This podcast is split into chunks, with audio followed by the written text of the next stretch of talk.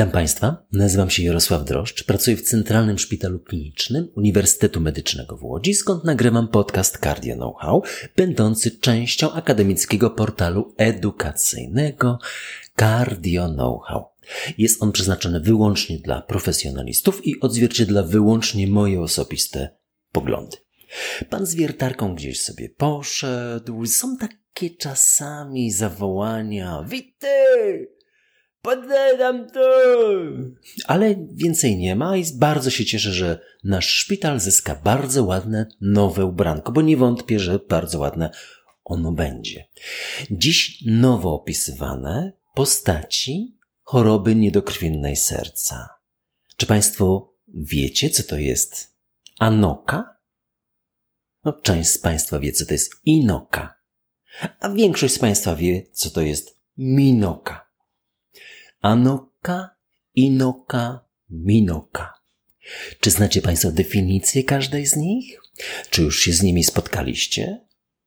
To znaczy z nazwami, gdyż z postaciami spotkał się każdy, kto tylko pracuje na kardiologii dłużej niż tydzień.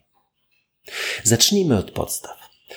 Choroba niedokrwienna serca z jej najbardziej spektakularnym objawem bólem dławicowym oraz najbardziej dramatyczną postacią ostrym zawołem serca jest nierozerwalnie związana powszechnie i niewłaściwie ze zwężeniami, z obecnością zwężeń w nasierdziowych tętnicach wieńcowych, tych zatem, które widać w koronarografii, w lewej bądź w prawej. Te zwężenia zaczynają być istotne od 70% zwężenia światła wzwyż i gdyby świat był aż tak prosty, moglibyśmy tu postawić kropkę, skupić się na interwencyjnym leczeniu choroby wieńcowej i zbudować nie 150, ale 300 pracowni hemodynamiki, pracujących całą parę przez całą dobę. Ale świat taki prosty nie jest. A choroba wieńcowa mieści się nawet w jej najbardziej skomplikowanym percentylu. Na początek Zacznijmy od znanego terminu minoka. Czy można mieć zawał serca, a nie mieć zwężeń w tętnicach wieńcowych? Można. To był dokładnie temat mojego pierwszego dydaktycznego wystąpienia dla zespołu pani profesor Marii Krzemińskiej-Pakuły, do którego właśnie dołączyłem kilka miesięcy po rozpoczęciu pracy. To był przełom 1989 roku i 90. Już nie pamiętam, czy to był grudzień, ale chyba to był styczeń. Zacząłem od, oczywiście od 1 października. Starsi koledzy kiwali głowami, cmokali, jako że od początku mojej pamięci potrafiłem tak zagmatwać omawianą kwestię, że słuchaczom pozostało jedynie kiwać głową i cmokać. Mówiłem, że to pewnie tak, że była skrzeplina w tętnicy wieńcowej powodująca zawał i się samorzutnie rozpuściła. A to, że skurcz tej tętnicy nastąpił, a potem rozkurcz. Zawał w obu przypadkach się dokonał, ale jak pacjent trafił na koronarografię, to śladu nie było ani po skrzeplinie, ani po tym skurczu. No i opowiadałem, że tam mikrokrążenie, że czas taki, no. Ale szanowni państwo, zwężeń w dużych, dużych tętnicach wówczas ani widu, ani słychu.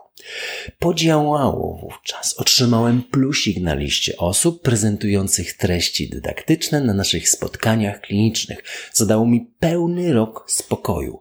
Inni się musieli produkować. Następny w kolejce był sam pan profesor Jarosław Kasprzak. Wówczas jeszcze lekarz medycyny, stażysta, jako że razem skończyliśmy studia. A ponieważ mnie zajęły one dłużej niż standardowo równolatkami, nie jesteśmy. Jesteśmy jedynie w stażu klinicznym równolatkami, bo biologicznym już nie. Termin Minoka właśnie tej tematyki dotyczył zawału serca, przy którym nie dostrzega się istotnych zwężeń tętnic nasierdziowych w koronarografii. Chyba już wszyscy kardiolodzy zetknęli się z tym terminem, gdyż właśnie w tym roku minęło w lutym 10 lat od pojawienia się słowa minoka w literaturze. John Beltram opisał postępowanie u pacjentów z zawałem serca z podwyższonymi biomarkerami, dolegliwościami stenokardialnymi i zmianami w EKG, lecz bez przyczyn wzrostu tych biomarkerów jako zwężeń w tętnicach wieńcowych. Wspomniał też o konieczności wykluczenia innych przyczyn wzrostu tych biomarkerów, przykład zatoru tętnicy płucnej, ostrej niewydolności serca, zapalenia mięśnia sercowego, kardiomepatii, udaru, sepsy, ARDS, urazu serca, oparzenia, działania chemioterapeutyków i intensywnego wysiłku fizycznego. No nic dziś dodać, nic ująć. I właśnie wówczas termin minoka zamienił poprzednio stosowany minka. Minka to normal artery, a minoka non-obstructive artery. No i się przyjęło. Link jest w transkrypcie. No ale kilka elementów musiało ulec zmianie. Czytałem ten artykuł jeszcze raz, no i patrzę na to, to częstość występowania, no Joel Beltram szacował ją na 5 do 10%. No każdy, kto pracuje w hemodynamice wie, że tego jest więcej. Po drugie, śmiertelność szpitalna 0,65%, roczna 3,3. No chyba zbyt niska jak na dzisiejsze spojrzenie, no ale o tym za moment. No i słowa nie napisane na temat leczenia. O tym także za chwilę. Minoka ma jakieś mocne podstawy. Wzrost biomarkerów z klasycznym przebiegiem w górę i w dół. Mocnym punktem jest to definicja zawału według WHO. Raczej nie ma tu miejsca na dyskusję. Jest zawał, bądź go nie ma. Nie ma zawału, nie ma minoki. Jest zawał, jest minoka. Wytyczne są proste.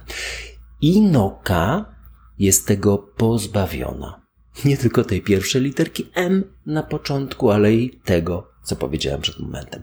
Wszystko jest tu raczej zawieszone w powietrzu. Inoka to minoka minus twarde dowody zawału. Niedokrwienie bez istotnych zwężeń w tętnicach wieńcowych. Niedokrwienie. Właśnie. No jak je definiować? Ból wieńcowy? Ból w klatce piersiowej? Zmiany w EKG? Niedokrwienie w spekt?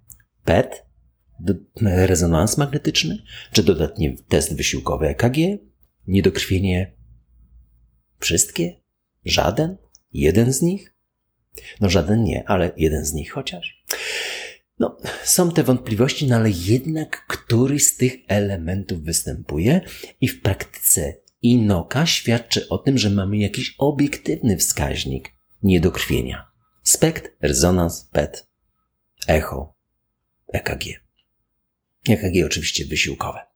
Termin Inoka powstał 5 lat później. Poprzednio mówiliśmy 10 lat Minoka już ma, a Inoka ma lat 5. W roku 2017 i pochodzi z Barbara Streisand Women's Heart Center Sinai Heart Institute Los Angeles.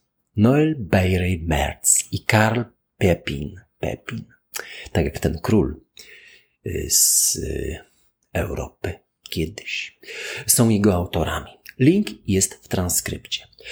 Artykuł jest opisem dyskusji, jaka toczyła się w think tanku rok wcześniej i z zaproszeniem do badania nad tą tematyką. Dlaczego?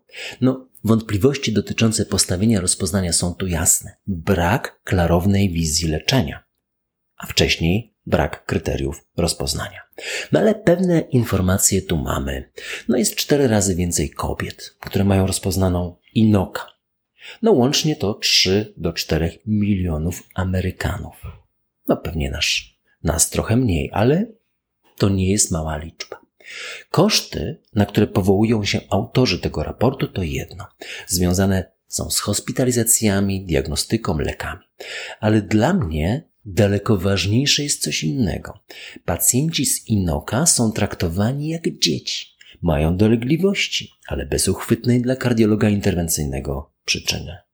Kolejne dolegliwości. Znowu jedyną koncepcją systemu opieki zdrowotnej jest koronarografia. No i znowu nic. I fakt, że znowu nic wypowiadany jest z wyrzutem przez takiego pseudo-przedstawiciela systemu opieki zdrowotnej, a odbierany z żalem przez pacjenta. No jak to nic? No, nie mam zwężeń, szkoda. Gdyż gdybym miał, miała to zwężenie, to przynajmniej posiadałabym wiedzę, posiadałbym wiedzę, skąd te są dolegliwości. I wiedziałbym, wiedziałabym, jak je leczyć. Pyk i po sprawie. Dawniej nazywaliśmy to zespołem Mix, no ale nie do końca to dokładnie to samo. Teraz już mówimy Inoka. Nadal nie wiemy, dlaczego tak się dzieje, że mamy typowe dolegliwości stenokardialnej i nic istotnego w tętnicach wieńcowych. Nadal rozpoznanie jest miękkie, nie ma żadnych twardych do, do, dowodów ani wytycznych rozpoznawania. Nie ma kryteriów oceny niedokrwienia, nie ma konsensusu towarzystw, są cierpiący ludzie na schorzenie, no i brak klarownej informacji o przyczynie tego schorzenia, no i oczywiście o leczeniu. No i mechanizmie, który by do tego leczenia prowadził. Wśród leków stosuje się wiele sposobów, ale skuteczność jest różna. Antagoniści wapnia na tak zwany skurcz tętnic, inhibitory i statyny na ewentualne zaburzenia funkcji śródłonka. No asa, no wiadomo na co. Leki przeciwzapalne też, ranolazyna, iwabradyna, L-arginina, no może czasem, i zawsze aktywność fizyczna. Anoka to ostatni termin. Najmłodszy. Liczy sobie nieco ponad dwa miesiące i pochodzi z publikacji Karla Pepina z lutego bieżącego roku. Link jest w transkrypcie. No co znaczy termin Anoka? Zrobiłem dzisiaj taki test na odprawie i nikt nie wiedział. Inoka, a jakże? Minoka naturalnie tak. Macie Państwo jakieś pomysły? Anoka. No, zacznijmy od początku. Minoka to zawał, niedokrwienie i brak istotnych zwężeń tętnic wieńcowych. Inoka to tylko niedokrwienie i brak istotnych zwężeń tętnic wieńcowych. A anoka to nie ma niedokrwienia i nie ma zwężeń, ale jest angina, bo to A od anginy pochodzi. To już całkowita abstrakcja z punktu widzenia twardej patofizjologii, gdyż ile osób ma anoka? Nawet nie zamierzam szacować. I jak rozpoznać anokę? Nie wiem, no ból dławicowy bez istotnych zwężeń w tętnicach wieńcowych z ujemnym spektrem, rezonansem, echem, próbą wysiłkową, bez niedokrwienia wykrytego jakąkolwiek metodą, to dlaczego przeprowadzono koronografię, żeby wykluczyć tętnice wieńcowe? No to pytanie pozostawiam otwarte. Nierzadko łatwiej jest kardiologowi napisać skierowanie na badanie inwazyjne niż ruszyć głową w takt wytycznych, gdyż wytyczne pozostają nieugięte. Najpierw diagnostyka nieinwazyjna niedokrwienie, rozważanie za i przeciw, dopiero później inwazyjna diagnostyka w przewlekłych zespołach wieńcowych. Ale jak już taką koronografię mamy, to pewnie łatwiej jest postawić pozytywne rozpoznanie anoka, uspokoić pacjenta, że rokowanie jest dobre, trochę zakręcić lekami, wybierając samodzielnie te najskuteczniej dla państwa i dla pacjenta działające i prowadzić chorego przez kolejne lata. Gorzej zdecydowanie byłoby mu przykleić łatkę hipochondryka i zlecić leki uspokajające, nieprawdaż? I podsumowanie. Choroba wieńcowa dzieli się na ostre zespoły wieńcowe i przewlekłe zespoły wieńcowe. Ostre to zawał stemi, oraz dwa minoka właśnie. A przewlekłe zespoły wieńcowe to jeden. Klasyczna postać ze zwężeniami w tętnicach wieńcowych oraz dwa. Inoka i trzy anoka. Ostre dzielą się na dwie części, stemi non stemi i minoka, a przewlekłe na trzy części, klasyczna, inoka i anoka. W powyższych artykułach znajdziecie Państwo liczne postaci patofizjologiczne. Naturalnie, do rozpoznania bardzo drogimi, no i nierzadko inwazyjnymi metodami. Przedstawiłbym je gdybym miał przekonanie, że to do czegokolwiek prowadzi, na przykład do identyfikacji podgrup wysokiego ryzyka, bądź, co ważniejsze, kwalifikacji do jakiegoś konkretnego leczenia. A ponieważ niczego takiego się nie doszukałem, oszczędzę Państwa czas. Pojawiły się pytania. Wspaniale, pan Michał. Dobry wieczór, panie profesorze. To widać od razu, o której godzinie jest to pisane. Mm, ja też pracuję wieczorem, ale, mm, ale, ale nie w pracy, tylko tylko, tylko przy komputerze nierzadko. Piszę do Pana z zapytaniem o leczenie żelazem w niewydolności serca. Czy u każdego pacjenta z zaostrzeniem rutynowo uzupełniać niedobór, czy tylko wybranych, a jeśli tak, to według jakich kryteriów? Kolejne zaostrzenie w określonym przedziale czasu?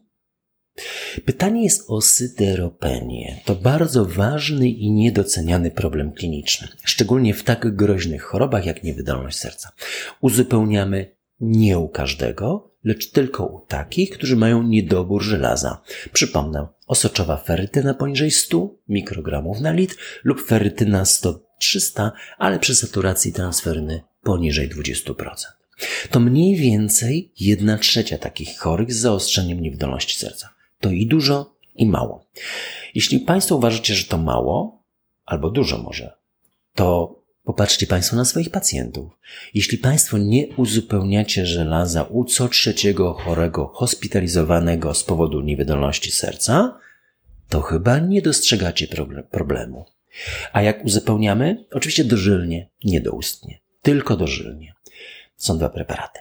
Wystarcza z reguły jedno podanie i pacjent wraca do puli. Po 3-6 miesiącach powtarzamy oznaczenie ferytyny i wyssenia transferyny i tak samo jest 100, 103, 120%. Podejmujemy decyzję o ewentualnej drugiej dawce leku. Mniej więcej z naszych obserwacji wynika, że co drugiego. Trzeciej dawki już praktycznie nie ma. Zazwyczaj nie jest to potrzebne. Green Lights to tytuł oryginału. Zielone światła to po polsku. Wydawnictwo Marginesy 22, chyba w maju. Autorem jest Matthew McConaughey, a tłumaczył Adam Pluszka. Żałuję, że przeczytałem. Fajny aktor, no ale marne pisarstwo. Przypomina mi poradniki, pisane przez takich nieudaczników, którzy mają wolę napisać poradnik, a gdy w tle są pieniądze, ale żeby tak się zabrać za robotę jakąś konkretną, jak na przykład medycyna, to i nie. Matthew jest nieudacznikiem? Nie nie jest nieudacznikiem, ale w zakresie aktorstwa. No ale pisarz z niego żaden. Miejscami ta mocno niesmaczna opowieść o życiu z przemądrzałymi uwagami wkurzała mnie bardzo. Przeczytałem do końca z takiej bardziej przyzwoitości. Ona się zupełnie nie nadaje dla nas lekarzy, którzy pracują ciężko każdego dnia. Gdy Matthew jest aktorem, wystarczy, że dobrze się skupi jeden tydzień w roku, bądź jeden miesiąc w roku, a resztę przebimba. Resztę miesięcy skupi się na zabawie. Albo cały rok się skupi na zabawie. To żadna to nauka dla nas, pracusiów. Jeśli Państwo będziecie mieli jakieś uwagi, komentarze, pytania, kierujcie na media społecznościowe z Cardio Know-how. Będę też Państwu bardzo wdzięczny za promocję podcastów wśród lekarzy, komentarz, komentarz, choćby jednym słowem i oceną, i może pytania. Slawa Ukrainie.